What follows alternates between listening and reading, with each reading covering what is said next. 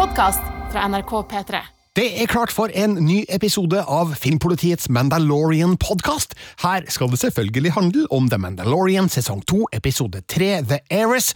Vi skal mene, synse og diskutere med mange spoilere. This is the way. This is the way.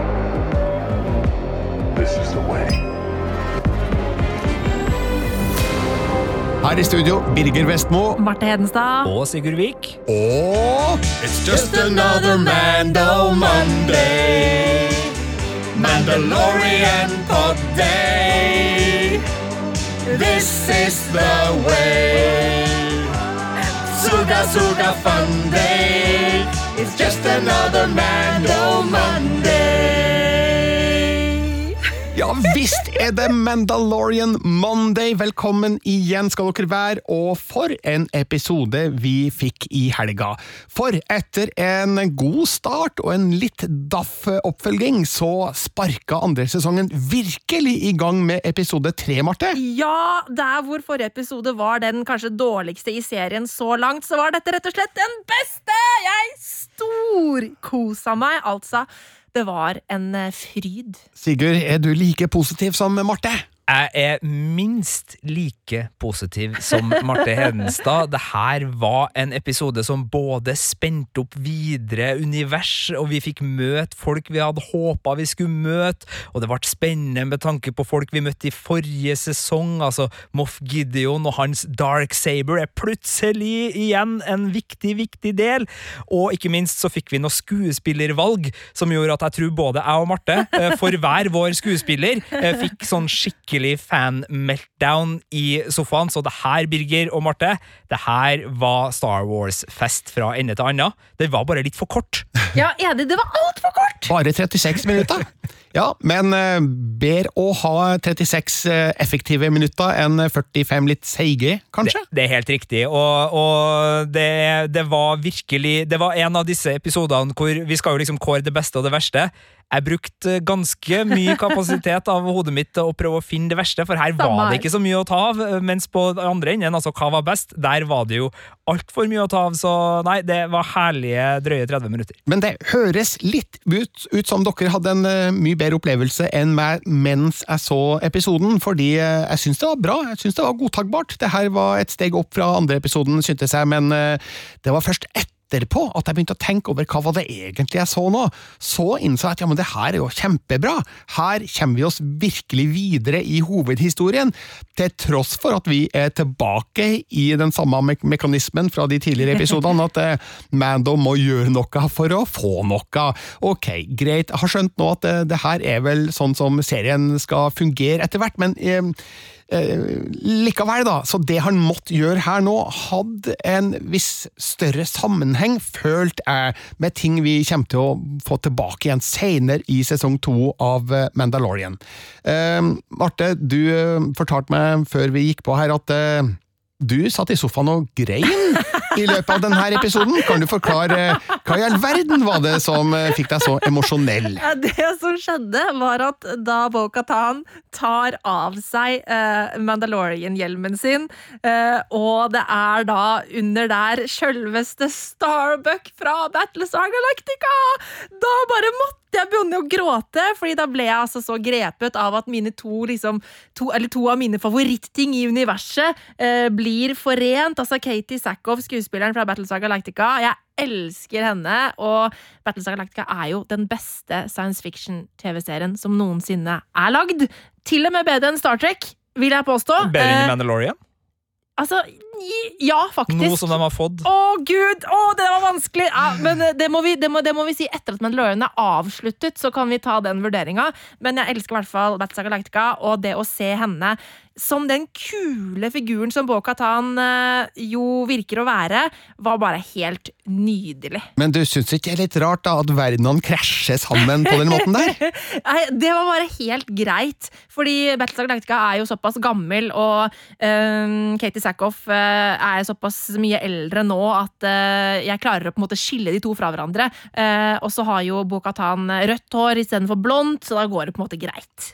Nemlig. Men Bo-Katan, folkens. Eh, måtte jo da bare innse at her hadde jeg gått glipp av noe da jeg så episoden, fordi jeg ante ikke hvem Bo-Katan var.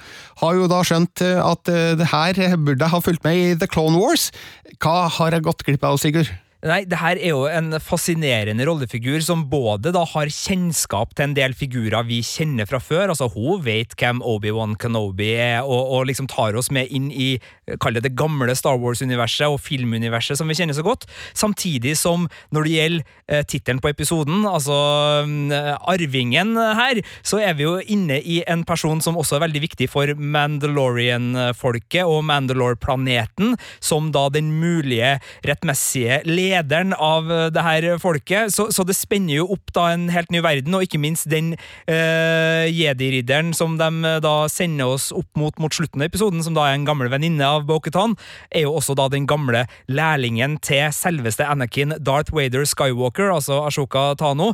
Så, så det her er jo en figur som åpner opp uh, Mandalorian for det øvrige Star Wars-universet på mm. en helt nydelig måte. Men jeg merka òg at jeg har jo ikke sett så langt i Clone Wars enda jeg heller, uh, og jeg føler nå at det begynner å hemme meg skikkelig mye. At jeg, at jeg henger såpass eh, langt bak. Eh, og jeg har jo kosa meg veldig med Clone Wars eh, til nå, men nå tror jeg jeg må begynne å kjøre en sånn slags liksom rød tråd, key episodes-type greie av Clone Wars for å på en måte henge med i svingene her. Så mhm. hvis noen veit om en god guide på hvilke episoder av Clone Wars jeg liksom må se, så kan ikke du ta og sende det til filmpolitiet til nrk.no, vær så snill. Men det er jo kjempefint at Lucasfilm og Disney Pluss gjør en sånn type fanservice mm. for de som virkelig har fulgt med i alt, men skyter de seg også litt i leggen ved å innføre figurer og historietråder som vanlige seere kanskje ikke har noe forhold til? Nei, altså jeg tenker at det, Så lenge figuren er såpass kul som hun jo her er, så tror jeg den vil Altså episoden her vil jo få folk til å få en større interesse for Bo-Katan, tenker jeg, da. Og at man blir nysgjerrig på hvem hun er, og kanskje faktisk eh, trekker folk inn i f.eks. Clone Wars-universet som ikke har et forhold til den serien fra før. Så jeg tenker at det er egentlig veldig smart, eh, den måten de vever disse tingene sammen på denne gangen, da. Ja, og så syns jeg det, det, fungerer for alle. For det er, ikke, mm. det er ikke sånn at man har klistra på noe som egentlig ikke passer inn. Altså, det, hun har en helt naturlig plass og er i, uavhengig av forkunnskap eller uh, annen tilhørighet en kjempebra rollefigur å få inn i serien. Og så er det bare en ekstra dimensjon. Men det er klart, hvis de nå føler at de er nødt til å styre Mandalorian inn i historier vi kjenner fra før, og plutselig så begynner man å lure på hvem er egentlig foreldrene til denne personen som kan styre kraften, og så havner vi i alle de gamle gamle Star Wars-tropene, og så skal vi egentlig bare se en ny tirologi hvor en eller annen Death Star skal sprenges på slutten. da er jeg enig med deg, Birger. Da har de skutt seg sjøl i, i, leggen, eventuelt eh, kjørt eh, sabelen eh, der. Men, men, jeg tror ikke vi skal dit. Jeg tror bare her har de liksom hekta The Mandalorian på de store, det, det store, kjente filmuniverset på en måte som begeistrer. Og jeg tror nok for veldig mange av Star Wars-fansen som har vokst opp med Clone Wars, og som kjenner den delen mye bedre enn det vi tre gjør her i studio, så er det her en uh, nostalgisk og mm. artig uh, utvidelse av Mandalorian-universet. Vi skal snakke mer om Bo-Katan, hvem hun er og hvilken plass hun har i det her universet, for vi må gå punktvis gjennom hva som egentlig skjedde i sesong to, episode tre av The Mandalorian. I have spoken. Jeg syns vi må starte med å gi en shout-out til episodens regissør Bryce Dallas Howard, som også hadde regien på um, The Sanctuary-episoden i sesong én, som jeg ikke var en sånn kjempestor fan av. Nå reiser hun kjerringa bokstavelig talt. Går det an å si? ja, det går an å si. Men jeg var jo veldig stor fan av den episoden som du snakker om. Eh, for jeg syns jo at eh, den viste Altså, den ga en sånn menneskelighet til Mando som kanskje man ikke hadde sett før i den episoden, da. Eh, men jeg merker at jeg er litt mer vennlig innstilt til den Mission of the Week-formatet enn det kanskje du er, Birger. Men, men jeg er enig i at hun gjør en enda bedre jobb denne gangen enn hun gjorde i forrige sesong. Jeg bare lurte på, uh, jeg ser på internett at det er mange som har tatt uh, sånn bilde for bildesammenligning av uh, ja. hennes fars film, Apollo 13, eh, og denne episoden, for da er det eh, det å, å gå ned i atmosfæren hvis du er i, en, eh, i et romskip, så, så begynner det å brenne veldig. Har du sett det her, Birger, og kan du gå god for at det var en slags god homasj til sin fars arbeid, altså Ron Howards eh, film? Jeg kan absolutt gå god for det. Jeg så det samme som du så på Twitter, sikkert, med bilde for bilde-sammenligning side by side, og det er jo helt klart en hyllest til Apollo 13, kan du ikke skjønne at det skal være noe annet. Og ja, Bryce Dallas Howard har visst også da bekrefta det på Twitter, at ja da, det er riktig. Så det er jo en veldig morsom start på episoden, da, når, når eh, Racer Crest eh, går ned i atmosfæren til planeten Trask og ja, gjør omtrent det samme som romkapselen i Apollo 13 eh, gjør. Det er en fin hyllest da fra datter til sin far. Og så lander de altså da på Trask, og der må jeg innrømme at jeg lo høyt. Ja. Når romskipet henger over plattformen, og så i siste øyeblikk så nei, velta over kanten og ned i, i, i vannet. Nesten litt sånn slapstick-moment. Ja, det var det. Eh, det. Og hele den greia med skipet på, eh, som skulle repareres, og alt som hadde med det å gjøre i den episoden, var veldig, veldig morsomt. Eh, Syns han uh, Mon Cali Mon Calamari, Ja, han, ja. han øh, reparatøren òg, med den der sånn 'jeg skal tanke det opp hvis tanken holder'. Altså, det, det, var, det var herlig sånn deadband. Altså, da romskipet eh, velta ut i vannet, så tenkte jeg å her blir det en farlig sekvens, eh, fordi nå drukner de jo. Men de har jo da selvfølgelig reist gjennom verdensrommet i denne cockpiten, og får, får tro at den også er varmtett. Ja, vi får håpe det. Eh, Det virka i hvert fall sånn. Eh, Men det, det må jeg bare si om han godeste eh, reparatøren der. Han har gått sin seiersgang på internett på grunn av den flotte, eh, litt sånn stålblå eh, ullgenseren han har på seg. Den har, jo- den har fått stor oppmerksomhet, og det deles strikkeoppskrifter og linker til steder man kan kjøpe lignende uh, gensere videre på Reddit. Og det er så herlig, for det, det er jo en sånn stil som heter normcore, uh, men han har da blitt døpt til å være calamari-core, og jeg synes det er så. Nydelig. Men jeg tenker jo også at man kan kanskje starte en liten interiørbutikk for hvordan han velger å innrede skip han øh, reparerer. Altså en litt sånn garnbasert uh, liten interiørforretning som, som kan øh, få det litt sånn øh, fint. Men bare, øh, for jeg trodde jo, når vi kom til, til denne planeten, og så liksom hvem som var beboerne her, så tenkte jeg jo at man er på, på Mon Cala, altså hjemverdenen til Mon Calamari-folket, og også Quarren-folket, altså de litt mer David Jones Blekksprut-aktige typene som, som vi møtte her. For de bor jo egentlig på samme planet, og, og jeg har kommet så langt i Clone Wars at jeg har fått med meg at uh, de har en litt skjør sameksistens uh, der. Men det var altså Trask, en litt sånn ja, sånn black market, eh, litt sånn Tatooine-aktig Ja. lyssky plass, eh, der flere arter som trives rundt vannet, og, og de som eventuelt har litt å smugle, har litt å føre, jeg fører vel den, eh, da eh, bor sammen i en slags eh, kriminell symbiose. Det er liksom motpolen til tørre Tatooine, så er dette på en måte den, den våte versjonen av den planeten. Kan tenkes at Mon Calamari og Corin eh, har litt sånn felles mål da, på Trask med de aktivitetene de bedriver der, og at det det dermed herske en slags eh, fred eller en forståelse mellom de. Jeg tenker jo det, og, og der vi liksom har blitt kjent med kanskje den mest sånn noble av eh, Kalmari-arten, som da er en viss general Ja. som eh, eh, skulle ha vært der og advart om ei felle. Altså, it's a trap. Uh, så, så er nok det her folk som kanskje eh, har litt mer sånn moralsk tøyelig strikk da, og er villig til å både rane folk og, og smugle litt og, og holde på med litt eh, ymse. Så en, en fin plass å, å henge. Du, Var det noen som la merke til den krana som løfta Racer Crest opp fra vannet? Ja, men jeg kjente den ikke igjen fra noe sted, hvis det var noe sånt. nei ikke, ikke, jeg heller, men, men den, den eh, ligner jo veldig på en sånn uh, stor attat. Beina, ja! Ja, beina, Ja, ja, ja, ja, bare at det var en uh, kran på toppen. Ja, sant. Jeg liker godt uh, hvordan de finner på nye fartøyer og redskap og ting som ligner på noe vi har sett før, men som de da har gjort noe nytt med. Ja. En kort liten detalj, men jeg syns at det var stilig, da. Men så eh, blir det jo da et eh, søtt gjensyn, en, en gjenforening rett etter det her, eh, mellom Froglady og ja, Frogman. Ja. Heter han det? Han heter det Eh, nå. Da så jeg for meg at Og nå sitter Marte Henstad i sofaen med en tåre i øyekroken. jeg ble rørt, jeg gjorde det. Jeg ble varm om hjertet eh, og kosa meg med det gjensynet. Det var veldig, veldig fint, altså. Ja, jeg men fremdeles at det er litt barne-TV, da. Med, med Frog Lady og alle disse Ja, da, jeg, jeg, syns, jeg syns de er fine. Det er, det er helt innafor for min del. Men det som øh, Nei, det her skal jeg vente med til ukas Stormtrooper, okay, faktisk. ok, ja. ok. I hvert fall så eh, blir det farvel med Frog Lady og Frogman eh, for now. Eh, det blir da en tur inn i nok en luguber bar, og der støter Mandalorian på noen som kan ta han til andre Mandalorians, og hvordan Mando kunne gå på den.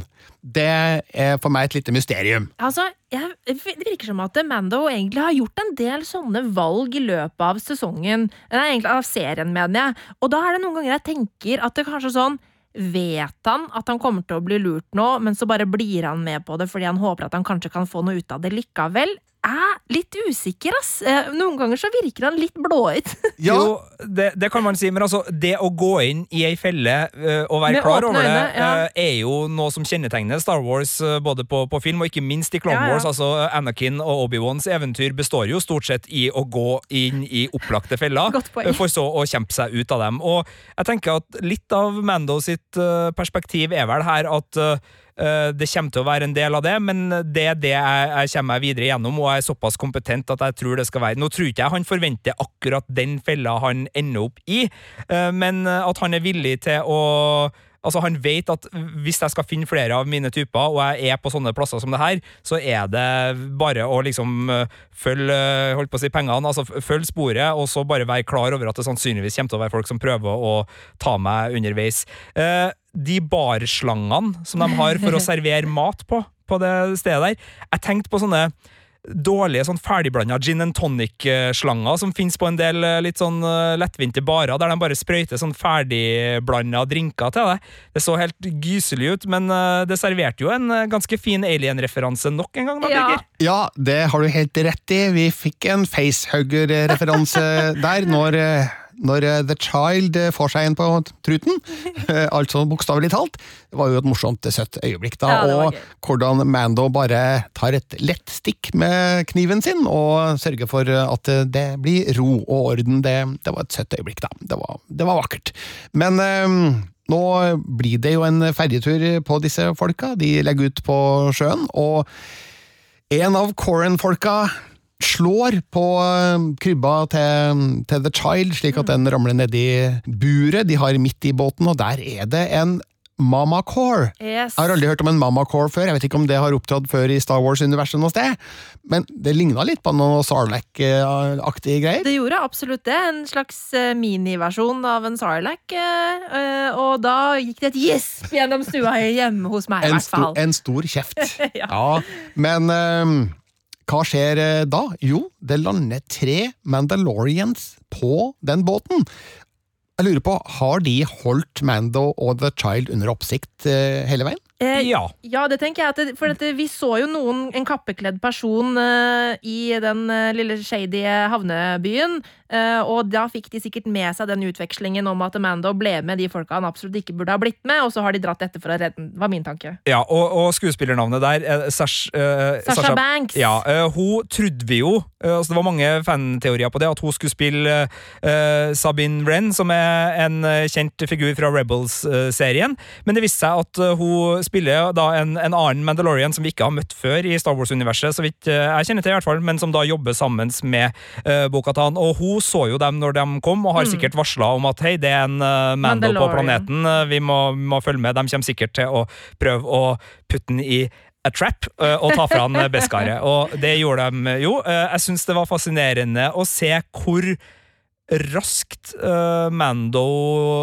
hoppa ut Mm. i faren, og det jo vitner jo om at han, han, han følger instinkt, og han er villig til å utsette seg sjøl for, for stor fare. Og jeg skal jo gi Quarren-gjengen en øh, tommel opp for øh, god fellevirksomhet. Altså, hadde ikke de kommet og, og redda Mando, så hadde jo Mm. sannsynligvis den fella funka Ja, kanskje hadde han et triks oppi ermet, men, men det var en meget effektiv og god felle, sjøl om de var skikkelig rasshøl, da. Mm. Det kommer jo da til en eh, scene som overraska meg litt, fordi eh, Mando vil jo gjerne introduseres for disse tre redningsmandalorianene, og de tar av seg hjelmen. Og eh, han blir like overraska som oss, og hva skjer da, Marte? Nei, da stikker han rett og slett av. Han vil ikke ha noe med dem å gjøre, og drar seg med, Rett og slett. That's the way. Men det var jo ei herlig scene, fordi vi har jo så vidt uh, lefla med det før, eh, da The Marshall dukka opp, eh, og da tenkte vi at det med hjelmen er, er bare noe greier, men her fikk vi jo virkelig da for første gang kjenne litt på ok, er This is the way-greia til Mandalorian-helten vår egentlig en bra greie, eller er han et slags kultmedlem som har altså, eh, blitt med i en sekt? Og, Eller en slags kanskje, terrorgruppe, Ja, eller, eh, hva? det, så, så, så, så det åpna jo opp eh, en, eh, en Ja. liten sånn der Ok, nå må jeg kjenne etter hva jeg egentlig tenker om helten i denne historien på nytt. Ja, ok, altså, nei, altså Jeg visste jo at, uh, men, at Manda vår Mandalorian uh, tilhører en um, det, en gruppe eh, som eh, forlot eh, Mandalore eh, i protest um, back in the day. Eh, men jeg, jeg visste jo det egentlig, fordi jeg hadde lest liksom bakhistorie og sånn før jeg begynte å se serien. Men jeg har jo ikke sett så langt i Clone Wars sånn at jeg kjenner til liksom de figurene som ofte har hjelmen av. Men ble, derfor ble jeg ikke sjokkert over at de tok av seg hjelmen. Um, samtidig som jeg ble litt sjokkert over at han øh, kjente det så sterkt at han valgte å ikke ville ha noe med de å gjøre. Og du kjenner jo tonefallet til Katie Sackhoff så Ja. godt at når hun sier 'å, du er en av dem', så skjønner du at det er ikke sikkert at vi heier på The den riktige of, uh, varianten av Mandalorian-folket her, selv om vi har ikke tenkt å slutte å The heie på Mando, altså, det er ikke the det. Watch, og måten hun sier 'this is the way' på til han, som er veldig sånn ironisk, 'this is the way', ja, Uh, så skjønner vi jo at uh, å ja, er det Mando som er utskuddet her? Uh, og det er jo, er jo det, da. Det her var helt nytt for meg, fordi jeg visste ikke at det fantes flere Mandalorian-samfunn der ute, da, eller gru grupperinger om du vil. Altså, eh, hva er sammenhengen her mellom eh, The Death Watch og de andre Mandalorian-folka? Ja, vi Og kan du stiller det. store, store spørsmål her, men eh, ja. Vi kan jo ta det litt. Eh, nå ha, som sagt, til deg som hører på, vi er, eh, nå er jo ikke Vi er noobs. Vi er noobs i dette universet. Vi er fan av filmene og har nå begynt å utforske dette større universet. Men eh, det var Altså, det har vært enormt masse kriging og herjing eh, med Mandalorians eh, opp gjennom åra. Eh, fra gammelt av så var de en rase med folk som trodde at krig var hellig, eh, og at på en måte det å krige i seg selv var på en måte den eneste måten å på en måte hylle sin gud på, da. Så krig var hellig. Eh, og så, etter veldig mye kriging eh, og tusenvis av år med kriging og mye frem og tilbake, så blir vel Mandalorians nærmest utrydda av jediene. Er det ikke noe sånt, Eh, Sigurd? Det er i hvert fall en krig mellom uh, Ja. jediene, og de ender opp som et ganske eh, Altså, de er et nøytralt samfunn da, i, i krigen mellom eh, republikken og, og mm, separatistene, Ja. som da foregår i prequel-trilogien. Og da er søstera til Bokatan hertuginnen av Mandalore. Eh, hun heter Satine og er ei god venninne av Obi-Wan Kenobi. Og da prøver hun, sammen med da, å, å, å holde Mandalorians ute av den store krigen, Mm. og de er en fredfull nasjon. Men så er det selvfølgelig de blant Mandalorian som mener at uh, krigerens vei er den riktige, så på en av månedene til, til Mandalore så er det da Death Watch-gruppering eh, som, som uh, maner til kamp, og så skjer det ganske mye, uh, og det er flere adskillelser her. Blant annet så er det gruppa til Bo-Katan, nattuglene, ikke det? Ja, De heter Night Owls. Ja, Night Owls er det kanskje. Ja, De Mm. blir også splitta, og her dukker Darth Maul opp, Birger, din gamle nemesis fra episode én. Min? Eh, ja, for han har også Darksaberen ei lita stund, og han er en del av eh, de ulike fraksjonene da, på, på, som, som styrer ulike deler av Mandalore-folkene. Så, så det, det, det er mange splittelser her, og det er mange runder. Og, og som Marte sa, det her er ikke noe vi kan ut og inn, og vi beklager til alle nå som sitter og skjærer tenner, og som kan det her mye bedre enn oss, men det var bare for å gi et rist av at det her er, det er ikke så enkelt som at det er én gjeng med én idé og én, et creed og, og én overbevisning. Her er det flere ting, men eh, jeg tror nok vi skal være ganske sikre på at Mando og Bo-Katan de kan nok bli venner. Det er ikke noe, noe grunn til at de skal Selv om de kanskje har litt ulikheter i hvordan de ser på hjelmkutyme og sånne ting, så, så tror jeg de skal komme godt overens, altså. Ja, eh, men nå er jo Mando er jo en litt Altså Han følger jo This is the way, altså The Way, han følger den til punkt og prikke, men likevel så virker han som en litt sånn mellow type. Ja.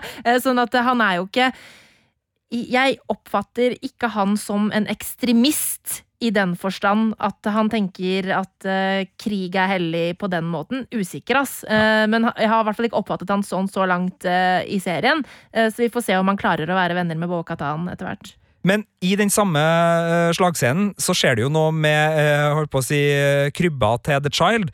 Nå er jo The Child mye mer utsatt uten den i ferden videre. Hva, hva tenker dere om det? Gir det dere eh, litt sånn uro i magen for hvordan det her skal gå videre? Tenker dere at han må, må skaffe seg en ny uh, beholder, et nytt uh, hjem? For det var jo veldig god beskyttelse i den, uh, det metallburet. Det var det, men jeg tenker at kanskje er The Child ferdig med å være baby i krybben nå. Kanskje er han i ferd med å bli såpass eh, stor, eh, med store tødler rundt stor, eh, til at eh, det ikke lenger er nødvendig med en krybbe, og at han kanskje kan klare seg uten den. Men det er klart, han eh, står eh, i fare for å eh, være mer utsatt, som du sier, og det kan jo øke spenningsmomentet da, i de neste episodene av The Mandalorian. Så jeg tenker at um, det, det er greit at han ikke lenger har den krybba å gjemme seg i, for nå har han brukt den for det det er verdt, og nå blir det bare repetering hvis han igjen skal lukke luka og komme seg vekk ifra sånn eh, i, i immediate danger, som Ja. det heter på godt engelsk. det er et godt poeng. Så kommer da Mando og The Child i land fra de actionfylte hendelsene på båten, og da blir det mer action ganske umiddelbart, Sigurd? Ja, det er jo det som er så trasig, da. Hvis man tar livet av folk på en eh, plass som det her, så, så dukker det jo ofte eh, opp folk som vil ta hevn, og, og du drept broren min, eh, setter jo i gang et lite oppgjør, men igjen Det ryktet spredde seg fort. Ja, det spredde seg veldig fort. Eh, men nå vet jo ikke vi hvor lang tid som har gått mellom klippinga her. Det var jo på kvelden, eh, i det, så det er mulig at det, har gått liksom litt, eh, et par timer der. Men det der syns jeg alltid er så fascinerende. Hvis det er noen som har blitt forsøkt drept, men dreper den personen som forsøker å drepe seg, så vi, for, skal det liks, likevel hevnes, liksom. Det er sånn Ja, du drepte broren min, som er sånn Ja, men han prøvde jo å drepe meg. Hallo. Eh, jeg måtte jo Det er selvforsvar, for faen. Det blir i hvert fall en eh, bra fight eh, ut av det. Jeg, lik, jeg liker fighting. Jeg liker fighting altså i alle former og farger, og også i The Mandalorian-universet, sjøl om de må selvfølgelig holde det på ja, sånn PG-13-aktig nivå, da. Eh, Men Mando blir igjen redda av disse tre Mandalorianene med Bo-Katan i, i spissen, og de inngår en deal, Marte. Ja, altså, han må hjelpe dem, eh, og så skal de hjelpe han. Ja, nemlig. Eh, De er ute etter eh, våpnene om bord i et cruiseskip. Ja, det heter kanskje ikke det, da, men den Gosanti-class cruiser, som er i ferd med å ta av fra Trask med masse våpen om bord. Og ja, altså Action om bord i et romskip, det blir aldri helt feil, blir det? Nei, Det blir aldri helt feil. Det var veldig kult. Men først så må vi bare innom eh, Frog Lady igjen, eh, og barnevakta, når eh, da Mando leverer fra seg lille, lille tassen, eh, og han får eh, beskjed om at eh, han skal oppføre seg. You know what I mean? Mens The Child sitter og snistirrer på de egga. Eh, det koser jeg meg med. Men Marte, har du tenkt over en ting? At eh, fra uh, Froglady og Frogman sa ha det bra til Mando på kaia, Ja. til han kommer på besøk, Ja. så har det skjedd befruktning. Det har skjedd befruktning. Hvordan tenker du at den har eh, foregått? De sitter jo der og stirrer på den her tanken sin på, Ja, på nei, altså Skal vi gå i detalj? Nei, skal vi det? Jeg vet ikke. Jeg tror kanskje ikke vi skal det. Jeg hadde tenkt å ha det som ukas Stormtrooper, Sigurd. Vi får ikke se hvordan eggene blir befrukta!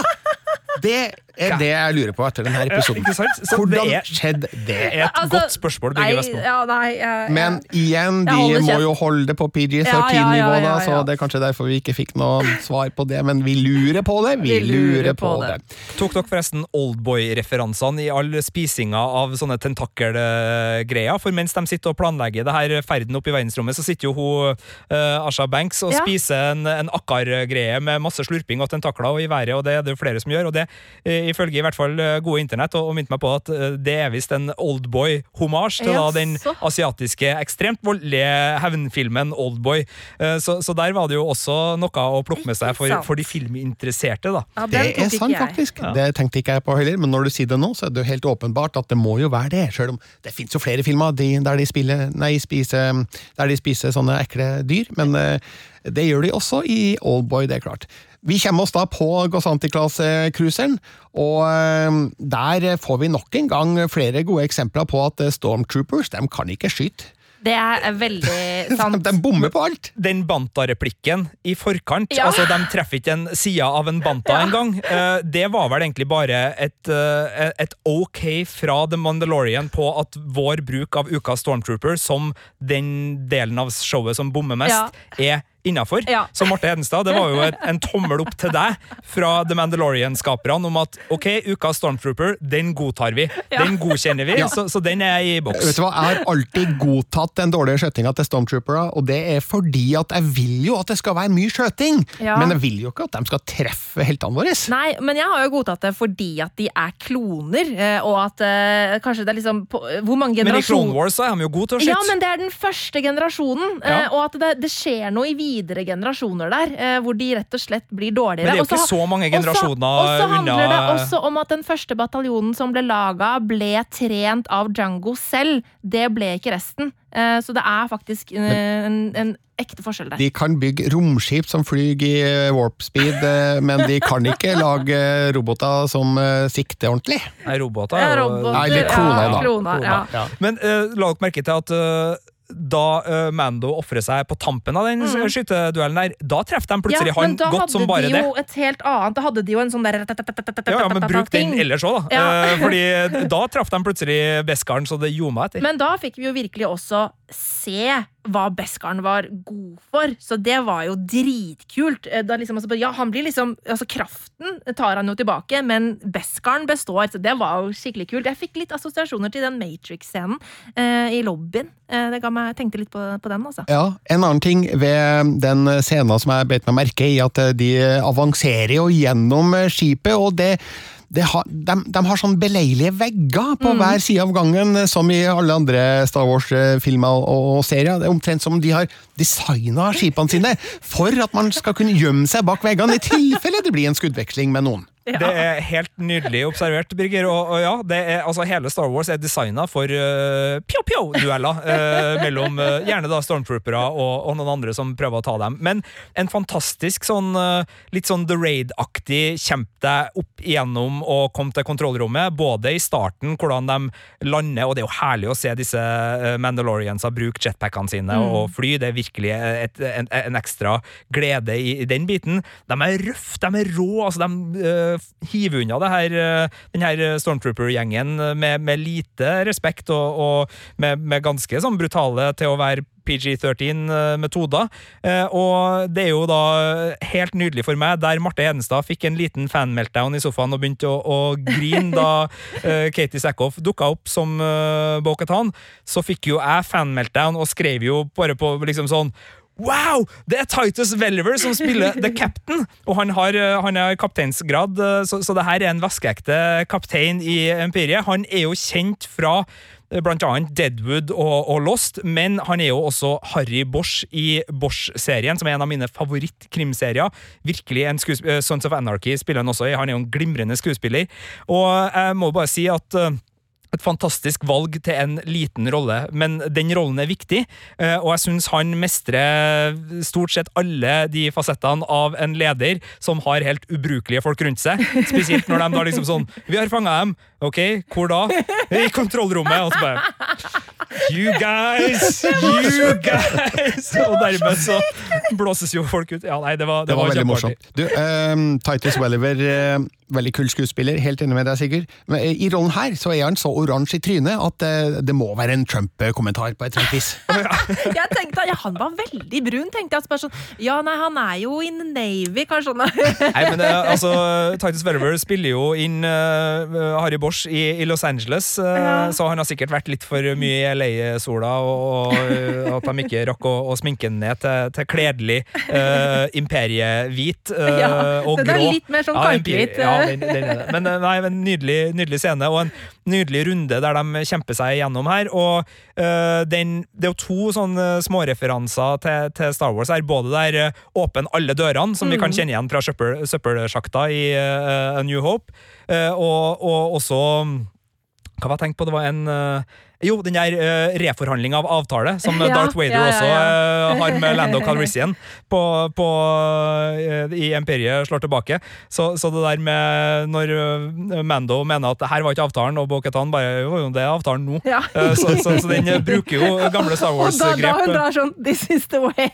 Og til alle som tror at jeg husker Star Wars-filmer så godt som det her, eh, det er ikke tilfellet. Jeg ser masse fansaker på YouTube og leser artikler på internett, så det her plukker man med seg her og der. Så det her er ikke Sigurd som kan Star Wars veldig godt. Det her er Sigurd som piggyback-rider og snurter på andres Star Wars-kompetanse og bringer det foran dere og jåler meg med det og later Ja, ja, som at jeg har full oversikt. Bo-Katan er jo veldig interessert i denne Dark Saberen, da. Eh, vi får ikke noe svar i episoden her på hvor den er. Jo, hun får jo på en måte det, for hvis du må spørre, så vet du allerede er jo svaret hun får, og da vet hun vel at Moff Gideon har det hun er på utkikk etter, nemlig det viktige Mandalorian-våpenet, og på mange måter et symbol for eh, det å lede Mandalorians, nemlig Darksaberen. Så nei, det brygger opp til, til kamp, og det var godt å få inn Moff igjen. Han har jo ikke vi sett eh, siden eh, slutten av forrige sesong, eh, nå da kun i hologramversjon, men eh, det er jo en, eh, nok et godt skuespillervalg fra andre serier vi liker godt, eh, så, så det å få inn han, det, det svingte bra. Men øh, den måten eh, Moff Gideon viser seg å, å være eh, nådeløs, og, og at han også har undersåtter som er like nådeløse, det, det, det var litt bra at de viser oss hvor, hvordan folk vi egentlig har med å gjøre her. Altså, det er ganske beinhardt å bare ja, da de har kommet så langt, ja. Da vet du hva du må gjøre, og så er det bare skyte sine to nærmeste undersåtter og gå inn i ren kamikaze-modus for å ødelegge våpnene og skipet, sånn at det ikke skal kunne brukes imot uh, Moff. Da er du hardcore. Du er hardcore, da. Ja, da tror du på saka. Det gjør du. Men eh, nå blir det jo et spørsmål om eh, ikke Mando skal være med Bo-Katan, da.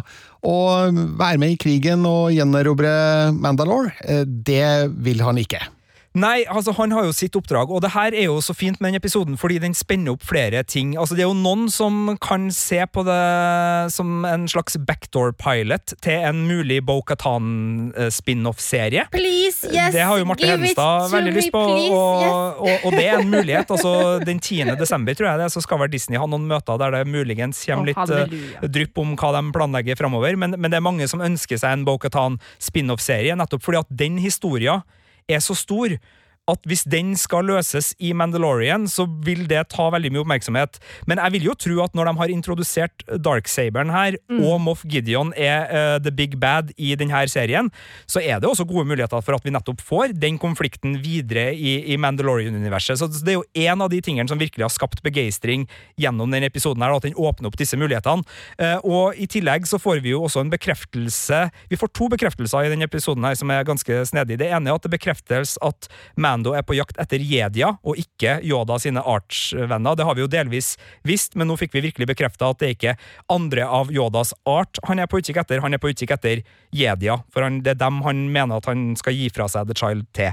Uh, og det andre er jo at uh, empiriet lever videre. Altså, det, er- det er uh, The Empire som er motstanderen her, og Moff Gideon og, og hans kaptein. I hvert fall så har Moff Gideon overbevist sin kaptein gjennom å bruke The Empire som eh, motivasjon. Altså, du gjør det for eh, imperiet. Så, så begge de tingene nå gjør jo at vi har fått nye holdepunkter og nye forventningshorisonter da, for hva det er vi, vi har foran oss her. Jeg tenkte at uh, det her må vi jo komme tilbake til senere i serien. Det kan jo ikke være noen annen grunn til at de introduserer hele den sidehistorien, enn at det her skal Mando tilbake til. Men uh, du tror altså det er større sjanse for at det kan bli en spin-off? Nei, jeg tror ikke nødvendigvis det er større sjanse, men det er absolutt muligheter for Ja det. takk, og- begge deler, hallo! Ja da, men det er klart, hvis uh, Mando skal møte uh, Jedia og, og gjøre sitt oppdrag, så, så må jo han gjøre unna det før han eventuelt skal møte Bo-Katan igjen. Så det er jo noe med, med liksom, ser man for seg Mandalorian i et fire til seks sesongers, eh, sesongers løp. I så fall så har man muligheten til det, men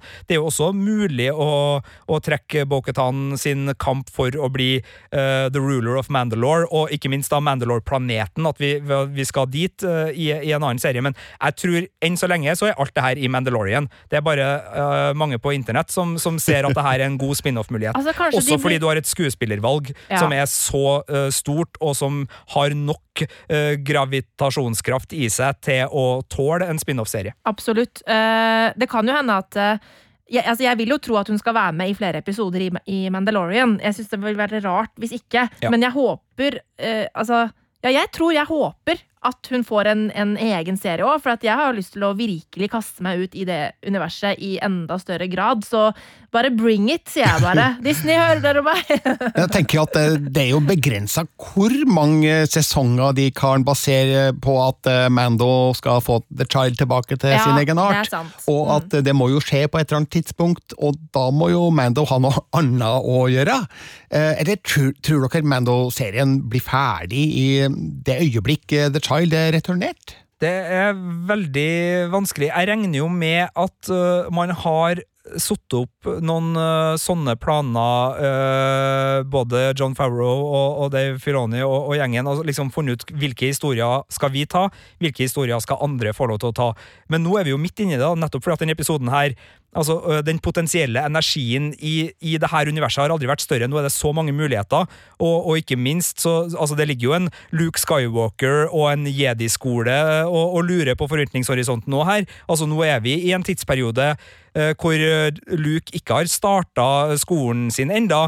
Eh, det er en fem-ti år fram i tid, men han er på utkikk etter Altså, han driver og, og Han leter etter force-sensitive people around the galaxy, har jeg lest eh, på internett. Ikke sant? Og, og hvis man da skal møte Asuka Tano, som eh, da er en, eh, en eh, jedi som, som eh, da var padawan til faren til Luke, og som kjenner den delen godt, altså eh, skal hun sende kanskje Mando videre på jakt etter uh, altså en plass der det vil være naturlig for The Child å være? Uh, er det da kanskje forløperen til Lukes jedi-skole som er den rette plassen for The Child? Altså den muligheten. Det er jo et eget serieunivers som, som vil kreve mye energi, men samtidig vanskelig å få til. Jeg tror ikke vi får Luke Skywalker inn i Mandalorian. Uh, skuespillermessig vanskelig å få til sånn uh, Vi kan ha litt, og- det hele digital facelift i så fall. og, og det er jo litt godt at vi ikke er der. Nå er vi jo på, på halv vei da, inn, i, i, inn i kjente rollefigurer, så, så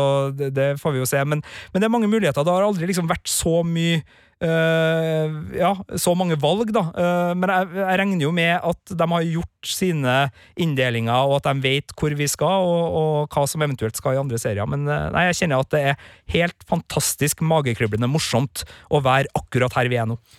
De løser oppdraget sitt, og eh, Mando får infoen han er ute etter fra Bo-Katan om hvor han kan finne jediene. Kanskje han eh, får eh, navnet på en planet der han skal kun finne Asoka Tano.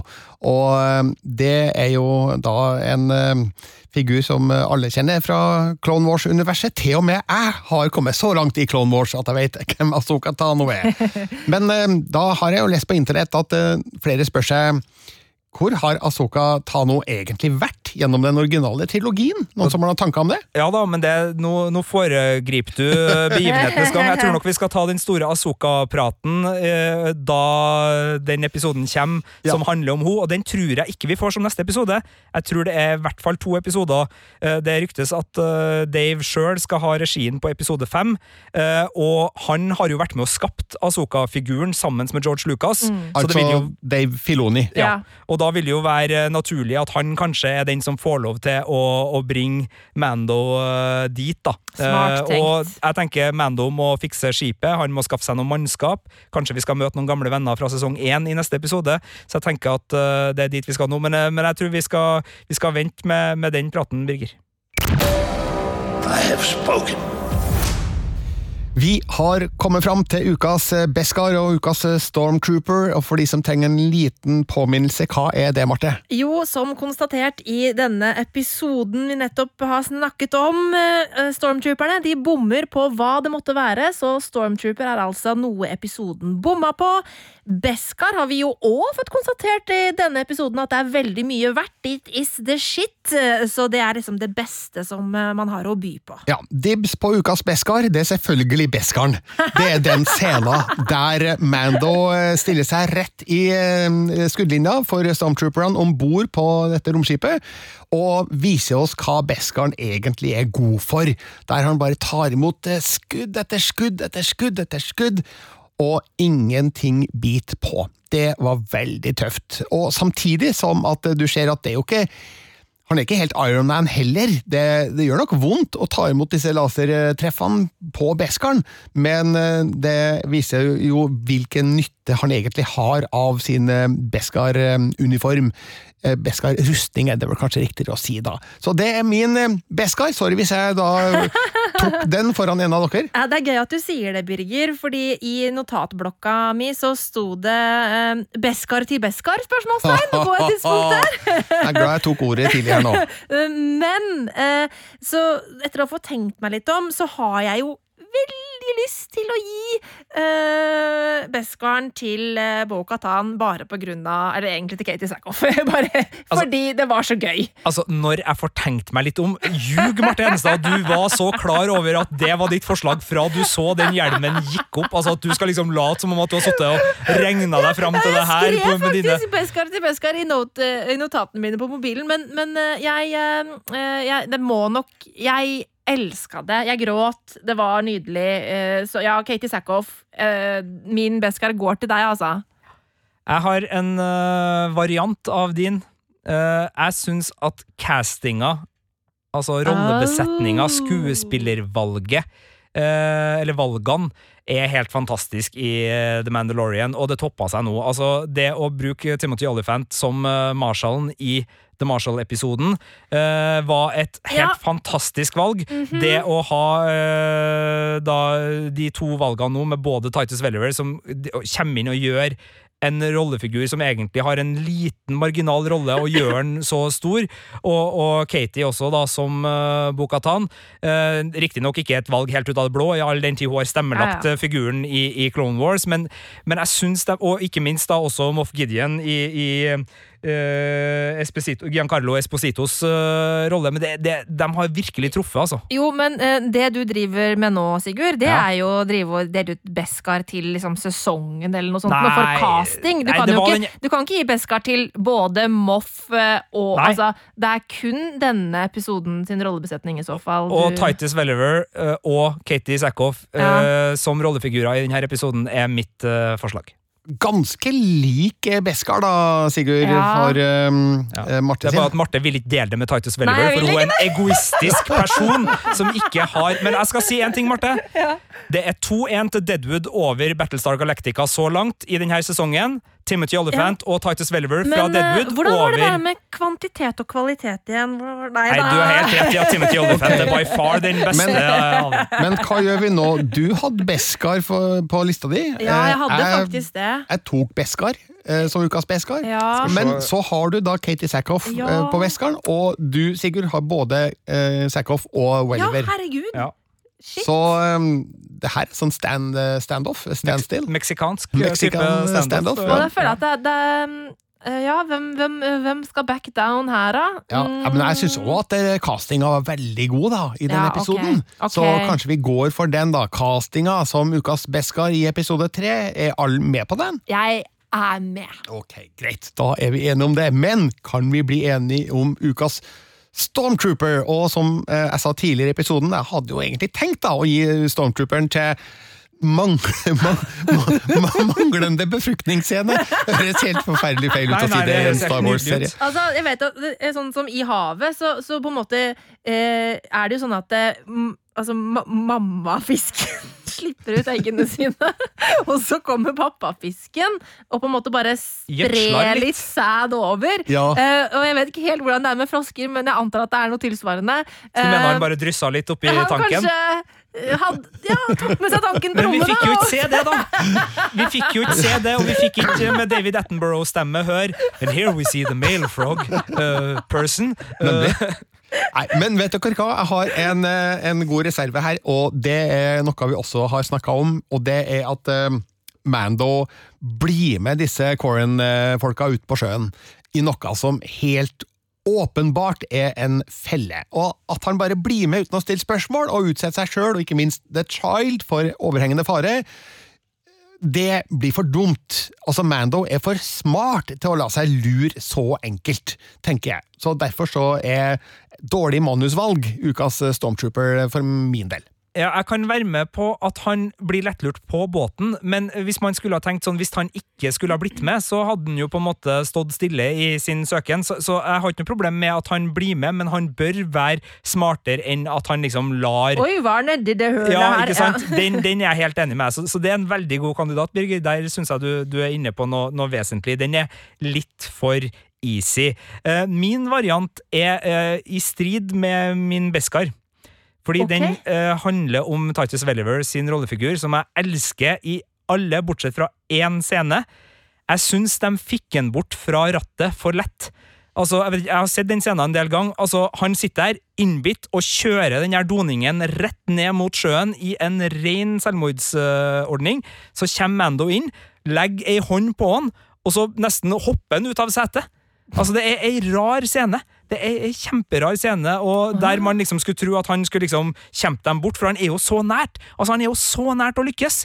Men så er det altfor lett for uh, Mando og co. å få han uh, over i andre enden av cockpiten, der de kan stille han til veggs og, og Men fy søren, vi snakka ikke om den Den digitale pilla! Den pilla! Den cyanidvarianten. Åh, ja. Fy søren, den var bra. Det var men, kult. men akkurat den, akkurat den scenen der de river den bort, som er ei klimaksscene, den skulle de ha fått til litt bedre. litt hardere. Men jeg syns liksom. Birger har en bedre en, så nå er det opp til deg, Marte. Ok, men uh, da skal dere høre. Fordi uh, uh, når, det, når Mando kommer tilbake og skal hente opp eh, The Child, eh, så er det jo sånn at The Child sitter jo der med middagsfat Ja. og leker med maten før han eh, dessverre ikke rekker å spise, spise denne lille babyfrosken, da. Men eh, da tenkte jeg Ja, det var kjapt, ja. Eh, Det var da jævla kjapt. Er det sånn slags supersad som vært ute på, på glid her? Altså, fra, I det samme episode så har da pappafrosken befrukta egga, eh, og så har det rukket å bli et embryo som har rukket å bli en babyfrosk som har rukket å klekke ut. Ja, altså Til et rumpetroll. Det var kjapt! Det er kanskje supersæd? så, så det syns jeg var veldig rart. Og da, hvis det skal gå så kjapt, så er det bare sånn Oi, det er sykt kort lifespan på de froskefolka. Så det syns jeg var veldig rart, og ikke at, det syns jeg ikke hang på greip. Så, så min stormtrooper går til manglende befruktningsscene. Nei.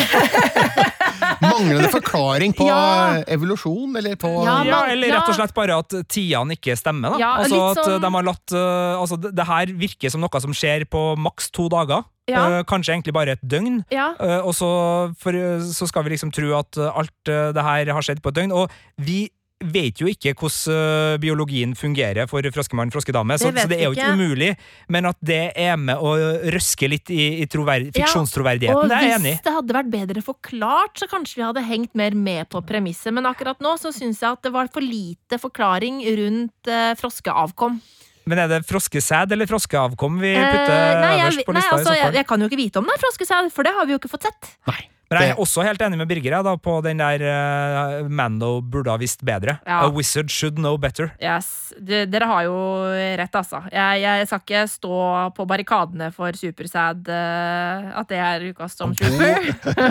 En god innvending, altså. Men eh, eh, ja, han, han gikk litt vel nærme den eh, For én ting er at han blei med de. Jeg er enig med deg, Sigurd, at eh, det å bli med kan jeg forstå. For da, du, kan gå, du kan bli med de gutta, selv om du skjønner kanskje at det er farlig, fordi du håper eller et eller annet må du gjøre for å prøve å komme nærmere målet ditt, liksom. Men at han var så liksom uvøren, da, eh, og gikk nærme det han vet er et svært eh, dyr som er farlig, var litt merkelig. Altså, Jeg vil jo heller ikke at de skal bruke 45 minutter på å overta han da, til å bli med, så um, vel. Men jeg syns uansett at Mando var litt for lett å lure i den scenen. Så gjerne for meg at det blir ukas eh, Stormtrooper. Ja, uh, Ukas Stormtrooper til lettlurt Mando.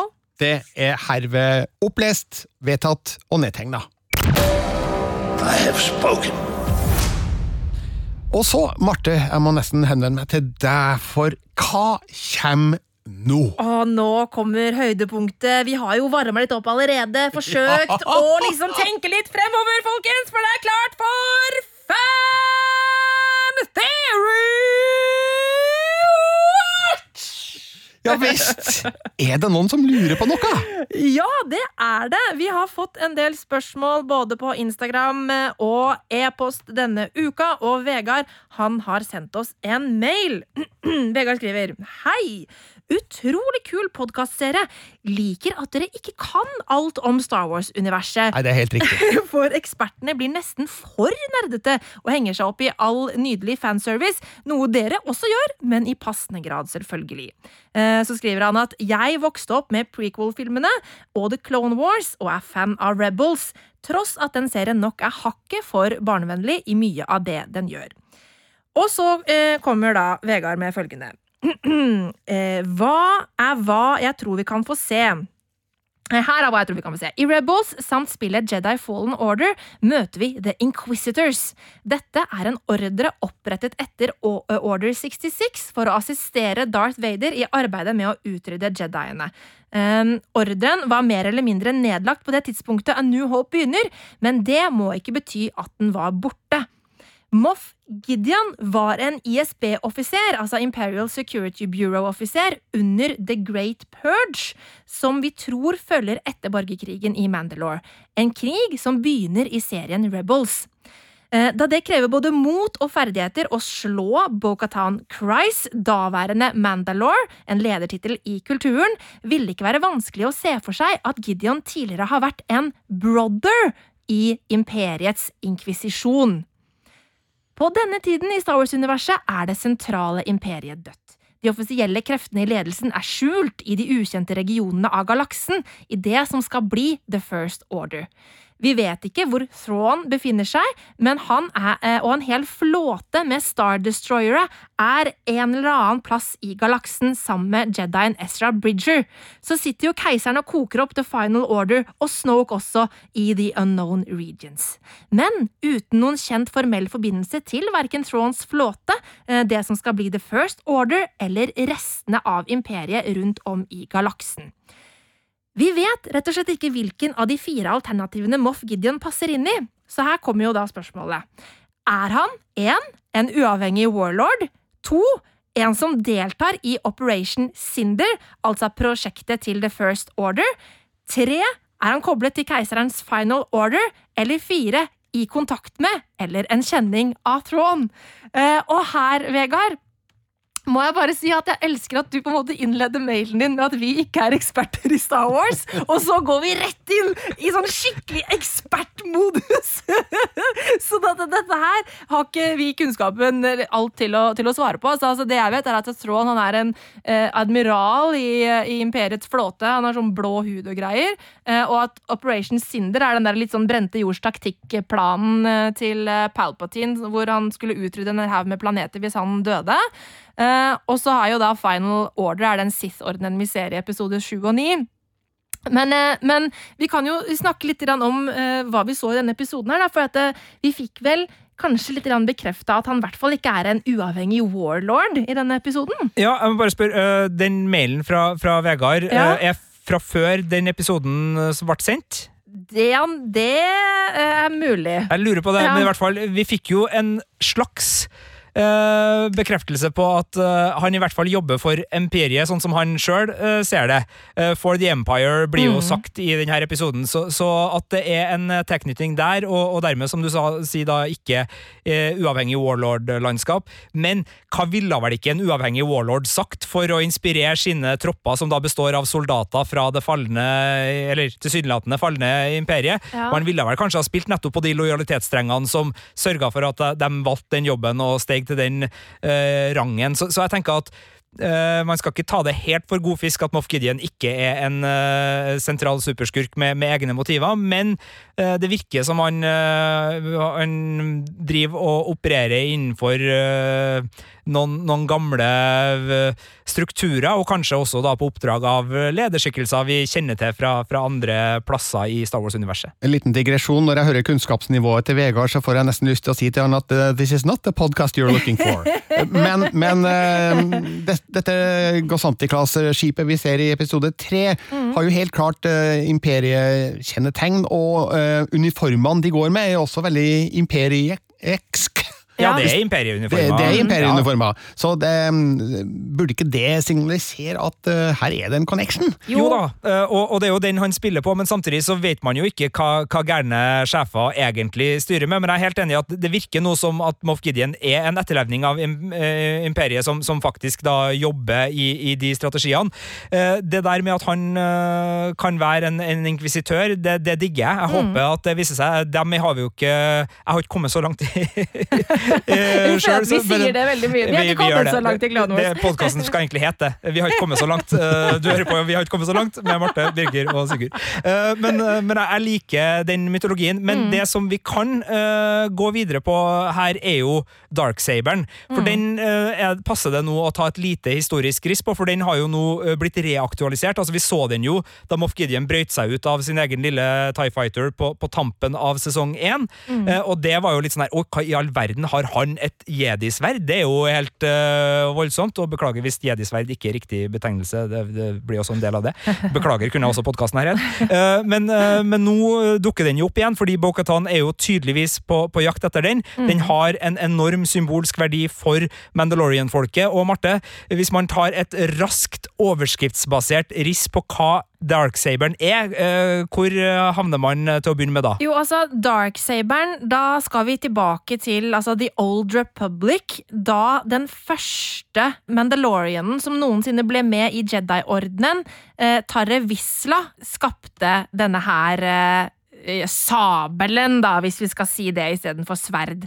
Eh, og den var jo litt sånn annerledes eh, enn andre lyssabler som vi har sett. Eh, den kan for eksempel Den er litt kortere, men den kan òg eh, endre eh, Den kan endre intensitet og eh, størrelse basert på eh, eierens eh, følelser. Eh, ja, eh, nok om det. Eh, men den har jo da på en måte opp gjennom åra blitt et eh, tegn på hvem det er som skal regjere eh, i eh, Mandalore. Ja, og, og den, duk, altså den blir da på et tidspunkt tatt fra Jedi-tempelet eh, og er da i Vislas familie. Og i Clone Wars så, så dukker den opp igjen da i, i hendene på, på Pre Visla, som da er en eh, guvernør som viser seg å være lederen for Death Watch, som holdt til på en måned da til, til Mandalore-planeten. Og han har den. Han bruker den blant annet i en kamp mot Obi-Wan Kenobi, som vi ser i starten av eh, Clone Wars, Ja. og, og styrer på. Eh, så taper han den Yes. til selveste Darth Maul. Yes. og- Kjent fra episode 1, som da utfordrer uh, Previsla til kamp og overvinner, og da faktisk blir en lederskikkelse på eh, Mandalore. Ja, for på dette tidspunktet i Mandalorian-kulturen så var det sånn at den eneste eh, måten å på en måte bli mester av Darksaberen var å vinne den fra sin tidligere eier, og den som har Darksaberen er eh, lederen, eh, og dermed blir det da Darth Maul som, som rett og slett skal bli liksom lederen på Mandalore, og det var det jo ikke alle som eh, så seg enig i. Nei, og da bryter jo blant annet Bo Katan eh, ut av Death Watch, og, for hun vil ikke ha Darth Maul som leder, så det er jo også viktig her. Men eh, det som skjer med Darth eh, Saberen, er jo eh, på et tidspunkt altså, eh, Darth-saberen. Darth Saberen. Darksaberen. Nå, nå går det Men Darth Maul har en Ja. hjemplanet hjemplanet som heter Dathomir, er det som er uttalen som er riktig, Marte? Dathomir, ja. Ja. Mm. Der finner ikke uh, Bo-Katan, men uh, Sabine Ren. hun finner uh, lyssabelen der i Rebels-serien, får vi se det. Og hun øh, har den ei stund, men hun gir den da videre til Bo-Katan. Og så er jo det store spørsmålet, og her vet vi jo ingenting, altså The Great Purge, altså den store øh, synden mot Mandalore-planeten, og hvordan Moff Gideon har The Darksaber og ikke Bo-Katan. Hva som har skjedd der, det vet vi jo ikke, og det er vi jo sykt spent på. Det er jo det som vi har skikkelig lyst til å finne ut av, og det er det jeg håper at vi enten får se i liksom, tilbakeblikk til eh, i, i, denne serien, eller kanskje i en spin-off-serie. da. Det hadde jo vært fett om på en måte vi kanskje fikk se fremdriften i denne serien, og så fikk vi se forløpet i en annen serie. Hadde det gått an? Det hadde gått an, og det er mange muligheter her, men, men her er vi jo inne i kjernen til liksom mye av fanteorigullet til mm. Mandalorian. At de har spilt opp en uh, sekvens hvor det tydelig har skjedd en katastrofe på Mandalore. Uh, de har blitt plyndra, altså Beskaren deres har havna i Imperial uh, sine, altså Imperiets smelteovner og blitt branda der. Mm. Våpnene vi så i denne episoden da har Beskar i seg, hvis jeg tolka det riktig. Altså det, det, er våpen som er laga med uh, profitten fra uh, plyndringa av Mandalore. Og Bo-Katan har da, som var uh, en, en, lederskikkelse, har da tydeligvis mista darksaberen sin til Moff Gideon.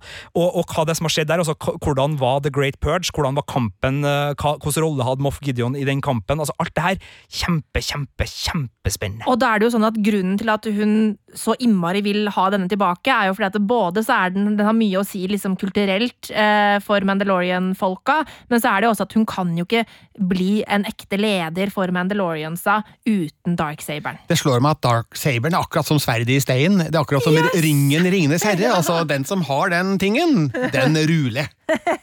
ja. Vi får håpe at den ikke er like sånn der, eh, korrumperende som ringen, da. Kast den i mentum. Kast den i mentum. Uh, ikke ta noen sjanser her. Kast den i Sarlacc-pitten. ja. Det er ikke bra nok, Marte. Jeg sier lite om Darksaberen, for jeg vet ingenting om den, men uh, nå har jeg fått en god leksjon fra dere, Sigurd og Marte. Tusen takk for det. Er det flere som lurer på noe i Fan Theory Watch? Det er det. Eirin har sendt oss en melding på Instagram. Hun skriver Hei, jeg storkoser meg med The Mandalorian hver fredag kveld og Filmpol ja, kveld, ja. Eh, og Filmpolitiets podkast hver mandag. Eh, I The Heiress lærer vi at vår Mando har vokst opp eh, i en litt strengere Mandalorian-klan, The Watch. Det er tydeligvis flere måter å leve The Way. Vi ser at Bokatan og gjengen tar av seg hjelmen, ja, og så ja, beskriver hun det. Og så skriver da Eirin hvis vår Mando fortsetter å møte Mandalorians fra andre klaner utover i serien, og omgås dem i større grad, tror dere han kommer til å endre måten han ser på seg selv på og sin opplæring på? Kommer han til å bli påvirket til å endre sin måte å leve the way på, eller kommer han til å holde sterkere på den? Jeg tror han kommer til å endre seg. Jeg tror han kommer til å få en, eh, en, story arc som gjør at han ender opp på et helt annet sted enn der han starta. Det virker i hvert fall for meg å være den mest spennende ruta å gå, da. Mm. Så at du ikke får en, en, eh, figur som står på stedet hvil gjennom hele serien. Eh, så jeg vil jo tro at det naturlige er at han får nye impulser og nye ideer om hva det vil si å være en Mandalorian, og kanskje vil innse et og annet om sekten han kommer fra akkurat som en eh, en sterkt religiøs person ja. som kommer fra en sekt og ut i verden og oppdager at oi, er det sånn det egentlig er der ute? Så jeg tenker at det hadde vært det mest spennende, sjøl om det òg går litt på bekostning av eh, imaget vi har da, av en Mandalorian fra de originale filmene. Mm. Ja, og så er det jo en, en, eh, ting som vi også har Altså, vi har i jinglepakka vår i denne podkasten adoptert This Is The Way, fordi det høres jævla tøft ut, og, og det er liksom, vi har en sånn tanke om at ok, eh, han er kul fordi han følger sine overbevisninger, og dem liker vi. Og så kommer da det her perspektivet som gjør, nettopp som Birger sier, det dytter det litt mer i, i ekstrem religiøs retning, og, og der har man jo mer en sånn magefølelse av at ok, folk som uh, lever etter Eh, Guds ord på en veldig bokstavelig måte, nødvendigvis havner ikke på, på gode plasser, og, og har ikke uh, nødvendigvis en toleranse og en medmenneskelighet som vi, som vi verdsetter. Så, så, jeg frykter jo også at uh, det fins sider ved The Watch-upbringinga til Mando som ikke nødvendigvis er bare positiv. Den krigerkulturen som de da tufter tilbake til, til Mandalore the Great, og, og en litt sånn eh, veldig gammel og veldig tradisjonsrik krigerkultur, men som, som kanskje ikke er helt god. Og søstera til Bo-Katan var jo lederen av Mandalore da de var en fredfull nasjon, så det er jo et stort spenn her i, i impulser som, som vi snakker om, og jeg tenker jo at det er naturlig da at uh, Mando uh, henger med denne gjengen og lærer seg å slappe av litt. Kule en, ja, blir litt laidback uh, og, og får et litt annet uh, syn på tilværelsen, som uh, kanskje gjør at This Is The Way får en litt mer uh, hippieaktig vibb utover i, i sfæren. Ja, men jeg tror at det er mer spenning å hente hvis han finner ut at uh, maybe this is, uh, this is not the way, uh, og at vi kanskje får se mer av Pedro Pascal også, da. Ja, hvis han ikke det. må gå med den- denne hjelmen hele tida.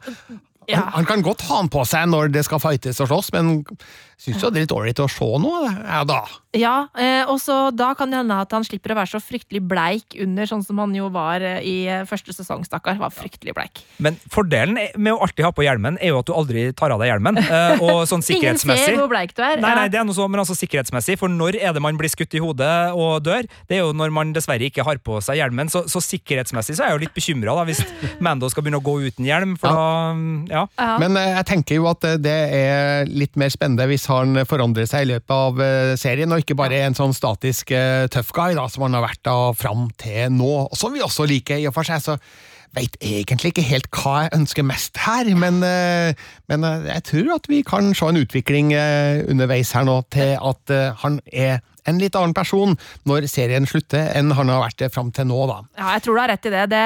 Det høres jo på en måte logisk ut, og det høres jo òg ut som noe som vil være bra for fremdriften i serien. For vi ønsker jo at rollefigurer skal utvikle seg, og ikke stå på stedet hvil heller. Er det flere Fan Theory Watch-spørsmål? Ja, altså Juliane hun har sendt oss en liten tanke i hvert fall eh, på Instagram. Hun skriver eh, tror Mando eh, og The Child ikke kommer til å skilles når de finner familien til The Child. De er rett og slett blitt for knyttet sammen nå, tror jeg.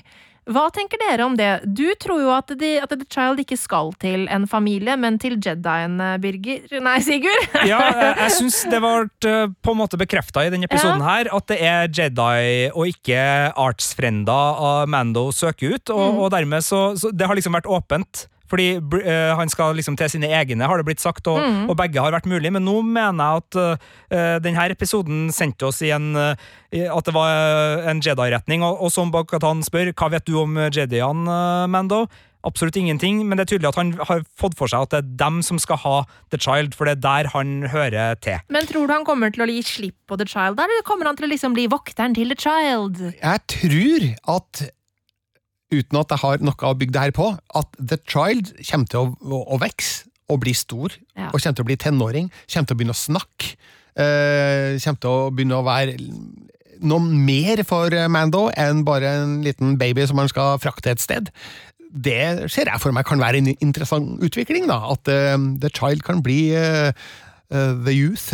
Ja. uh, the, the dude, the young Ja. dude. Nei, Ja. men altså at han um, blir mer, mer enn en, eh, en, en ting som skal fraktes. At han blir en slags sidekick eller en partner in crime. ja. Eh, det tenker jeg kan være en utvikling som kan bidra til at serien holder seg frisk og, og relevant etter hvert. Eller hva tenker dere? Er det noe som kan være en idé?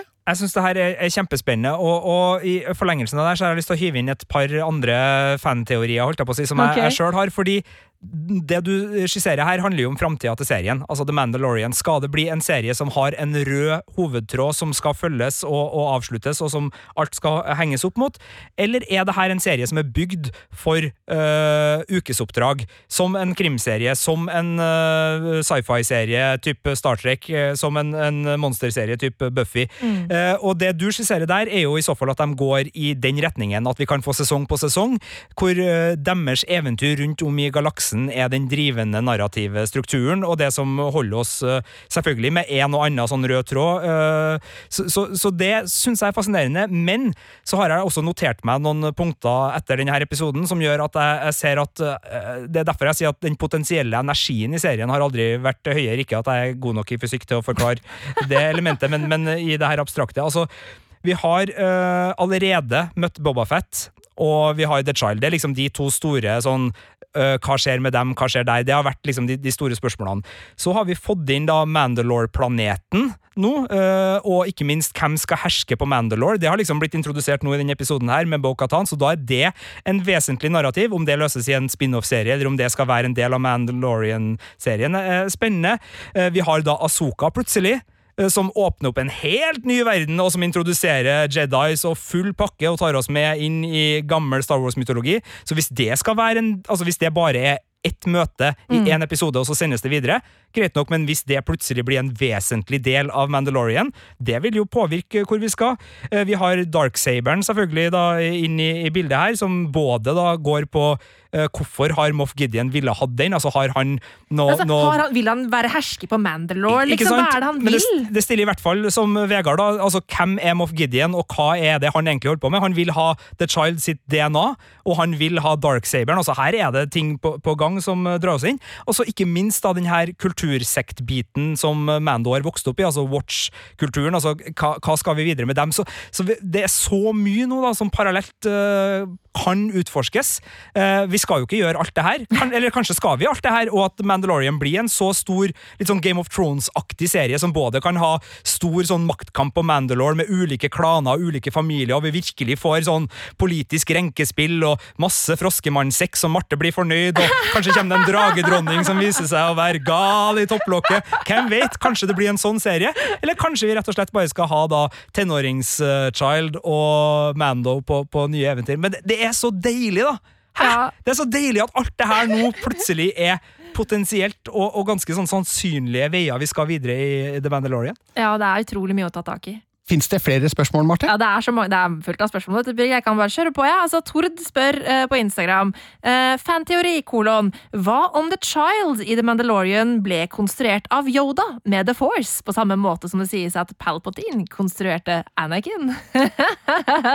altså, uh, Palpatine tok jo og mm, hva, eh, hva heter det, liksom? Midichlorians. Ja, altså de midichloriansene i uh, magen til uh, til uh, mora Shale? til Anakin. Nei, hva heter mora? Eh, eh, uh, Shmi. Shmi, Shmi. At eh, han eh, manipulerte midichloriansen i hennes eh, mage, og så kom jo da Anakin eh, til eh, verden. Altså, Shmi har jo sagt eh, eh, jeg, eh, Det var ingen far. Det er, det, en er det det som heter keisersnitt? Oi, oi, oi, oi, oi, oi, oi! Kom du på den nettopp nå? Det var veldig. Veldig bra, Sigurd. Eh, tror, vi, tror vi Yoda har gjort det med, med The Child? Er det, er det Altså, nei. Eh, Kan, en, kan, et Force-barn, liksom? kan jeg stille et idiotspørsmål? Altså, Ja. Fins midichlorians eh, fremdeles i Star Wars-universet? Ja, altså eh, Har de ikke forlatt eh, den eh, teite greia nå? den, no, no, altså Episode én tilhører jo kanon, men eh, vi har jo ikke hørt noe snakk om det på en stund, for å si det sånn. så hvis noen har noen tanker om det, kanskje du som hører på ha, eh, har noen gode teorier om midichlorians og sånn, send det inn til filmpolitiet at nrk.no. Jeg tror ikke at uh, The Child er Force-sønnen til, til Yoda. Nei, det tror ikke jeg heller. Det tror jeg ikke. Uh, I og med at uh, vi driver og møter Deadwood-skuespillere i, i det her Star Wars-universet, altså, hvem skal Ian Cocksucker McShane spille i neste episode? Det lurer jeg på. Forslag? Det må bli en eller annen shady figur på en eller annen shady planet. Som, som for eksempel, han kunne ha vært med på Trask, kanskje, kanskje, eller han kunne ha dukka opp på Tatooine. Men eh, jeg syns jo det er, det er plass til han her, altså. Det har Men, vært eh, fantastisk. men det må være en sånn litt mindre sympatisk figur, som eh, likevel er veldig kul. Og som banner masse. Ja. ja, Det kan han ikke gjøre i Mandalorian. Nei, filler'n, det er jo PG-13! ok, eh, jeg har bare en siste her nå. Thomas har sendt oss en e-post med litt flere spørsmål. Eh, Han lurer på og det er litt sånn mer som går på litt kanskje andre ting enn bare sånn generell law. Han, han spør har det moderne strømmeformatet gjort TV-serier mer fleksible ved at episodelengder ikke nødvendigvis må være 30 eller 45 minutter? Eller gjorde de faste rammene til linær-TV at en regissør skjerpa seg på et eller annet vis?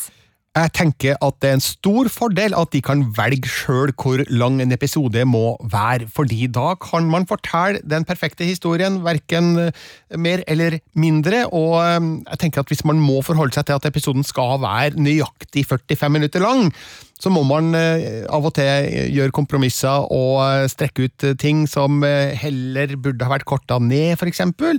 Eh, så jeg tenker at det er en stor eh, frihet da, for eh, de som regisserer hver enkelt episode, at eh, de lager episoden akkurat så kort eller så lang som den må være. Ja, Det er en veldig jedi-måte å tenke på. Jeg vil være litt mer sitt og si at uh, frihet er ikke nødvendigvis bra. Uh, og akkurat som skrekkfilmer som blir på to timer når de skulle ha vært på 90 minutter, det er faste rammer her, folkens! Eh, så, så er det en fordel med uh, halvtimesformatet og 45-minuttersformatet. Okay. Men jeg er jo egentlig enig med Birger. Jeg er jo mer på jedi-sida. Men altså, eh, stort sett så er det en fordel, men det er ikke alltid det. fordi av og til så, så kan man rote seg bort i, i friheten man får. Men for en serie som Mandalorian, som virker så stilsikker og så sjølsikker på hva den holder på med, så ser jeg bare fordeler med det. Ja, jeg ser veldig stor fordel med det, og sånn for eksempel til motsetning sånn som Netflix har holdt på, eh, og det går jo ikke bare på episodelengde, men på episodeantall, hvor det er en del serier som er eh, presset inn i et visst format, så får man noen sånne skikkelig døde episoder midt inni der som rett og slett er bare tull.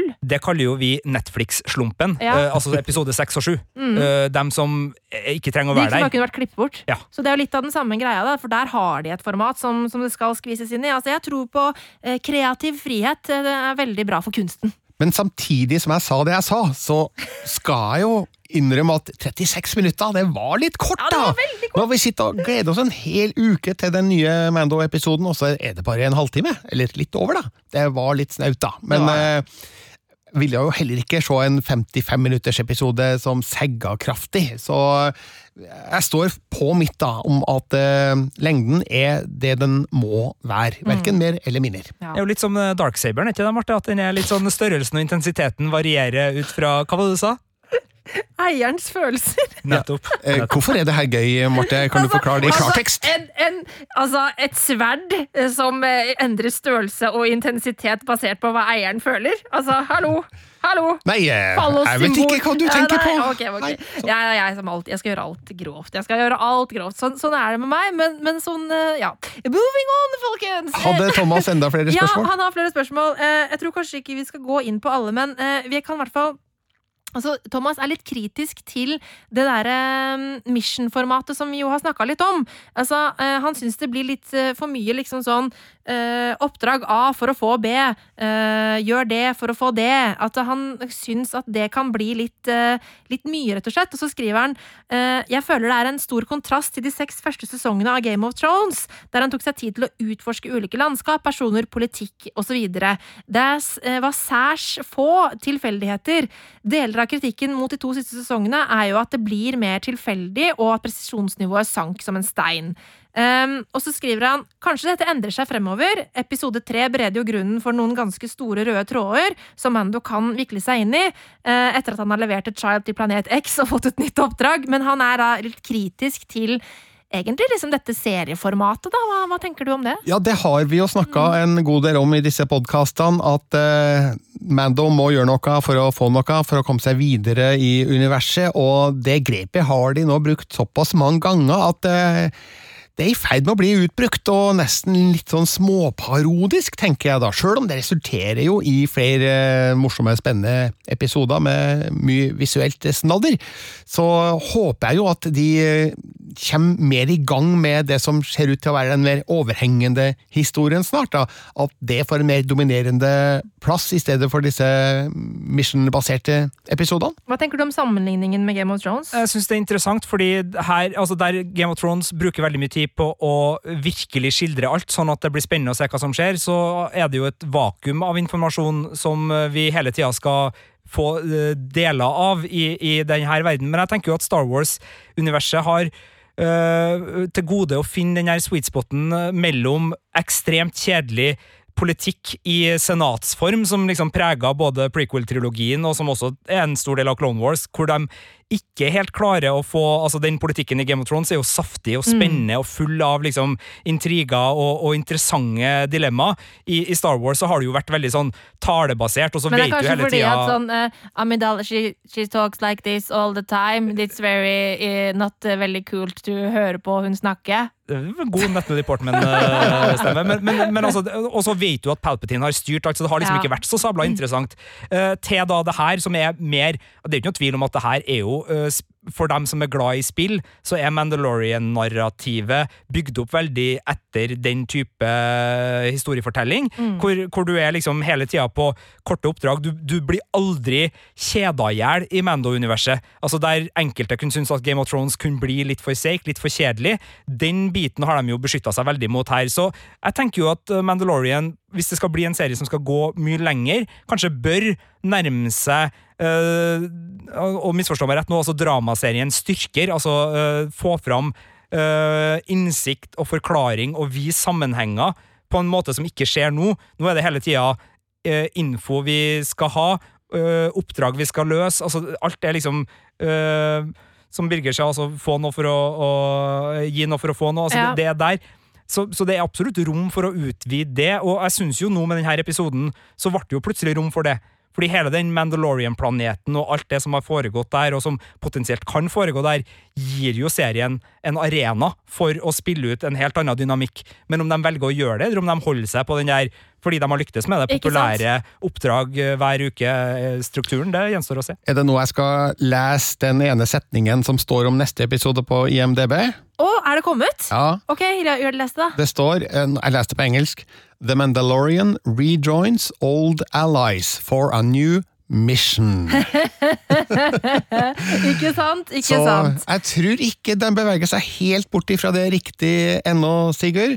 Men eh, ok, ja, vi får se hva det handler om, da. Men eh, jeg regner med at eh, vi får se noen figurer vi har sett i serien før. Men altså, som et barn av Buffy, som et barn av Castle, altså som et barn av liksom procedurals Det kan være bra, det òg, folkens! Vi må ikke hakke for mye ned på Mission of the Week, altså. For hvis Mission of the Week er bra, så er episoden bra.